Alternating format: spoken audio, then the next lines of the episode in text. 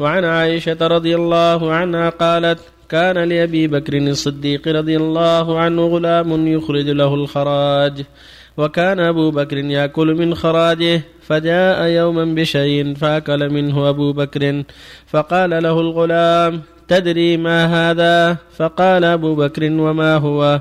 قال كنت تكهنت لإنسان في الجاهلية وما أحسن الكهانة إلا أني خدعته فلقيني فأعطاني بذلك. هذا الذي أكلت منه فأدخل أبو بكر يده فقاء كل شيء في بطنه. رواه البخاري.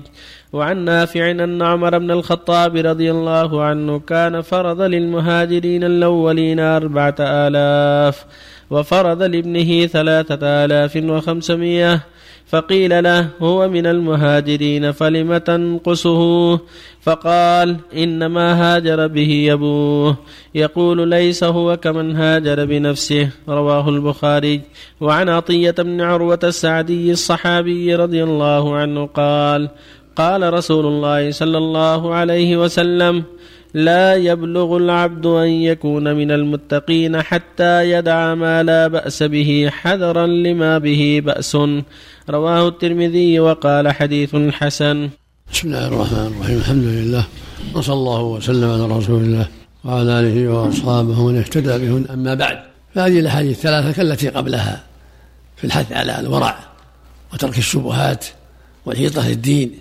المؤمن يحتاط لدينه ويترك المشتبهات. ويتورع عنها كما قال صلى الله عليه وسلم من اتقى الشبهات فقد استبرأ لدينه وعرضه وما وقع في الشبهات وقع في الحرام كالراعي يرى حول الحمار يوشك أن يقع فيه. وقال صلى الله عليه وسلم لوابصة البر ما اطمأنت اليه النفس واطمأن إليه القلب والإثم ما حك في نفسك وكرهت أن يطلع عليه الناس. وفي هذا أن الصديق رضي الله عنه كان له ولا يؤدي خراجا له لا بأس يجعل الغلام خراج. لكن الإنسان عنده مماليك عبيد وجعل لهم كل يوم يعطونا كذا أو كل شهر يعطونا كذا والباقي لهم. يقول لك تعطيني في الشهر عشرة ريال والباقي لك. تعطيني مئة والباقي لك. لا بأس يسمى خراج. فأعطاه ولا خراج ذات يوم فأكل منه الصديق ثم سأله. ثم قال له الغلام أتدري ما هذا؟ قال وما هو؟ قال هذا كنت تكهنت لواحد في الجاهلية. تكهنت الإنسان في الجاهلية. وما أحسن الكهالة فأعطاني هذا الشيء.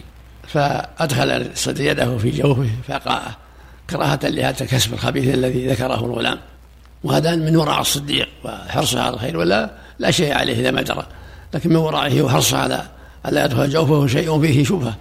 ومن وراء عمر رضي الله عنه أنه كان فرض المهاجرين في بيت المال أربعة آلاف كل سنة. من بيت المال. أربعة آلاف كل سنة. مثل ما يسمى الآن في الدولة الآن مساعدة سنوية يسمونها مناخ. يعني مساعدة للشعب المهاجري والأنصاري. كل واحد يعطى أربعة آلاف سنويا. وأعطى عبد الله ثلاثة آلاف وخمسمائة.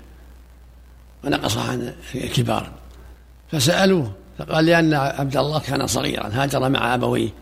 لم يهاجر مستقلا فرأيت أن أنقصه عن الكبار. وهذا من وراء عمر رضي الله عنه الحرص على براءة ذمته. وكان عبد الله حين هاجر فوق العشر من عشر سنين أو إحدى عشر سنة من إحدى عشر سنة.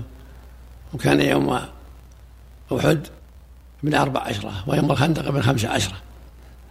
ومن ذلك حديث عطية السعدي يقول صلى الله عليه وسلم لا يبلغ العبد أن يكون متقين حتى يدع ما لا بأس به حذرا مما به بأس. هذا من كمال التقوى. تقدم قول الحسن رضي الله عنه النبي صلى الله عليه وسلم قال دع ما يريبك إلى ما لا يريبك. قول صلى الله عليه وسلم من اتقى الشبهات فقد استبرأ لدينه وعرضه. والمقصود من هذه الأحاديث كلها أن المؤمن يحرص على أن تكون أكسابه جيدة وسليمه بعيدة عن الشبهة. وفق الله الجميع. هذا المناخ بعض الشبهات هذه التي تسمى هذه الأيام. إذا أردت شهره مثلا أجعل بالموظف 5000 ريال حتى يتوسط لي عند الدولة. هل هذا لا الشبعه ما يجوز لا الشبعه ما يؤخذ عليها شيء. أما إذا كان لك معاملة تطلب أن يكون لك مناخ ووكلت إنسان يتابع المعاملة مثل الدلال يعطى أجره عن متابعته. أما الشفاعة لا. الشفاعة لا ما يصلح ما يعطى شيء. نعم. صلى الله عليكم. المناخ يا شيخ بارك الله فيك. إذا كان يأتي لرجل وهو في غنى عنه. ولو في غنى ولو. ما في بأس. المناخ هذا من بيت من بيت المال. المهاجرين والأنصار فيهم الأغنياء وفيهم عمر فرض لهم عادة سنوية. نعم. على حسب ما تقرره الدولة. إن رأت قطعه رأت تعطيه من من خلفه إن كان خلفه أيتام أو فقراء أو تقطع هذا إلى الدولة ترجع إلى الدولة. بارك الله فيك مسحة الحديث الذي روى عطية. لا بأس به نعم. علما بأن عبد الله بن يزيد دمشقي ضعيف. لا بأس به. وهذا الأحاديث الصحيحة كلها شاهدة له. نعم. الشباب يسافرون من فرنسا إلى أحد البلدان فيه معصية ويذهبون هناك لأجل التجارة فما حكم ذلك؟ يعني يذهبون هناك يشترون بعض الأشياء يعني التجاره وبعد يرجعون. النبي صلى الله عليه وسلم يقول أنا بريء من كل مسلم يقيم بين المشركين. لا ترى أنا رحمة لا يجوز السفر إلى بلاد المشركين. لكن إذا كان في بلد يعرف دينه وعنده علم وبصيرة ويظهر دينه لا بأس. أما إذا كان عامي لا ما يجوز السفر إلى بلاد المشركين ولا الإقامة عندهم. بل يجب أن يهاجر إلى بلاد يأمن فيها على دينه. لا يذهب التجارة في بلاد المشركين يتاجر في بلاد المسلمين. يعني يمنع. يمنع الا ان يكون عنده علم يدعو إلى الله ويعلم الناس.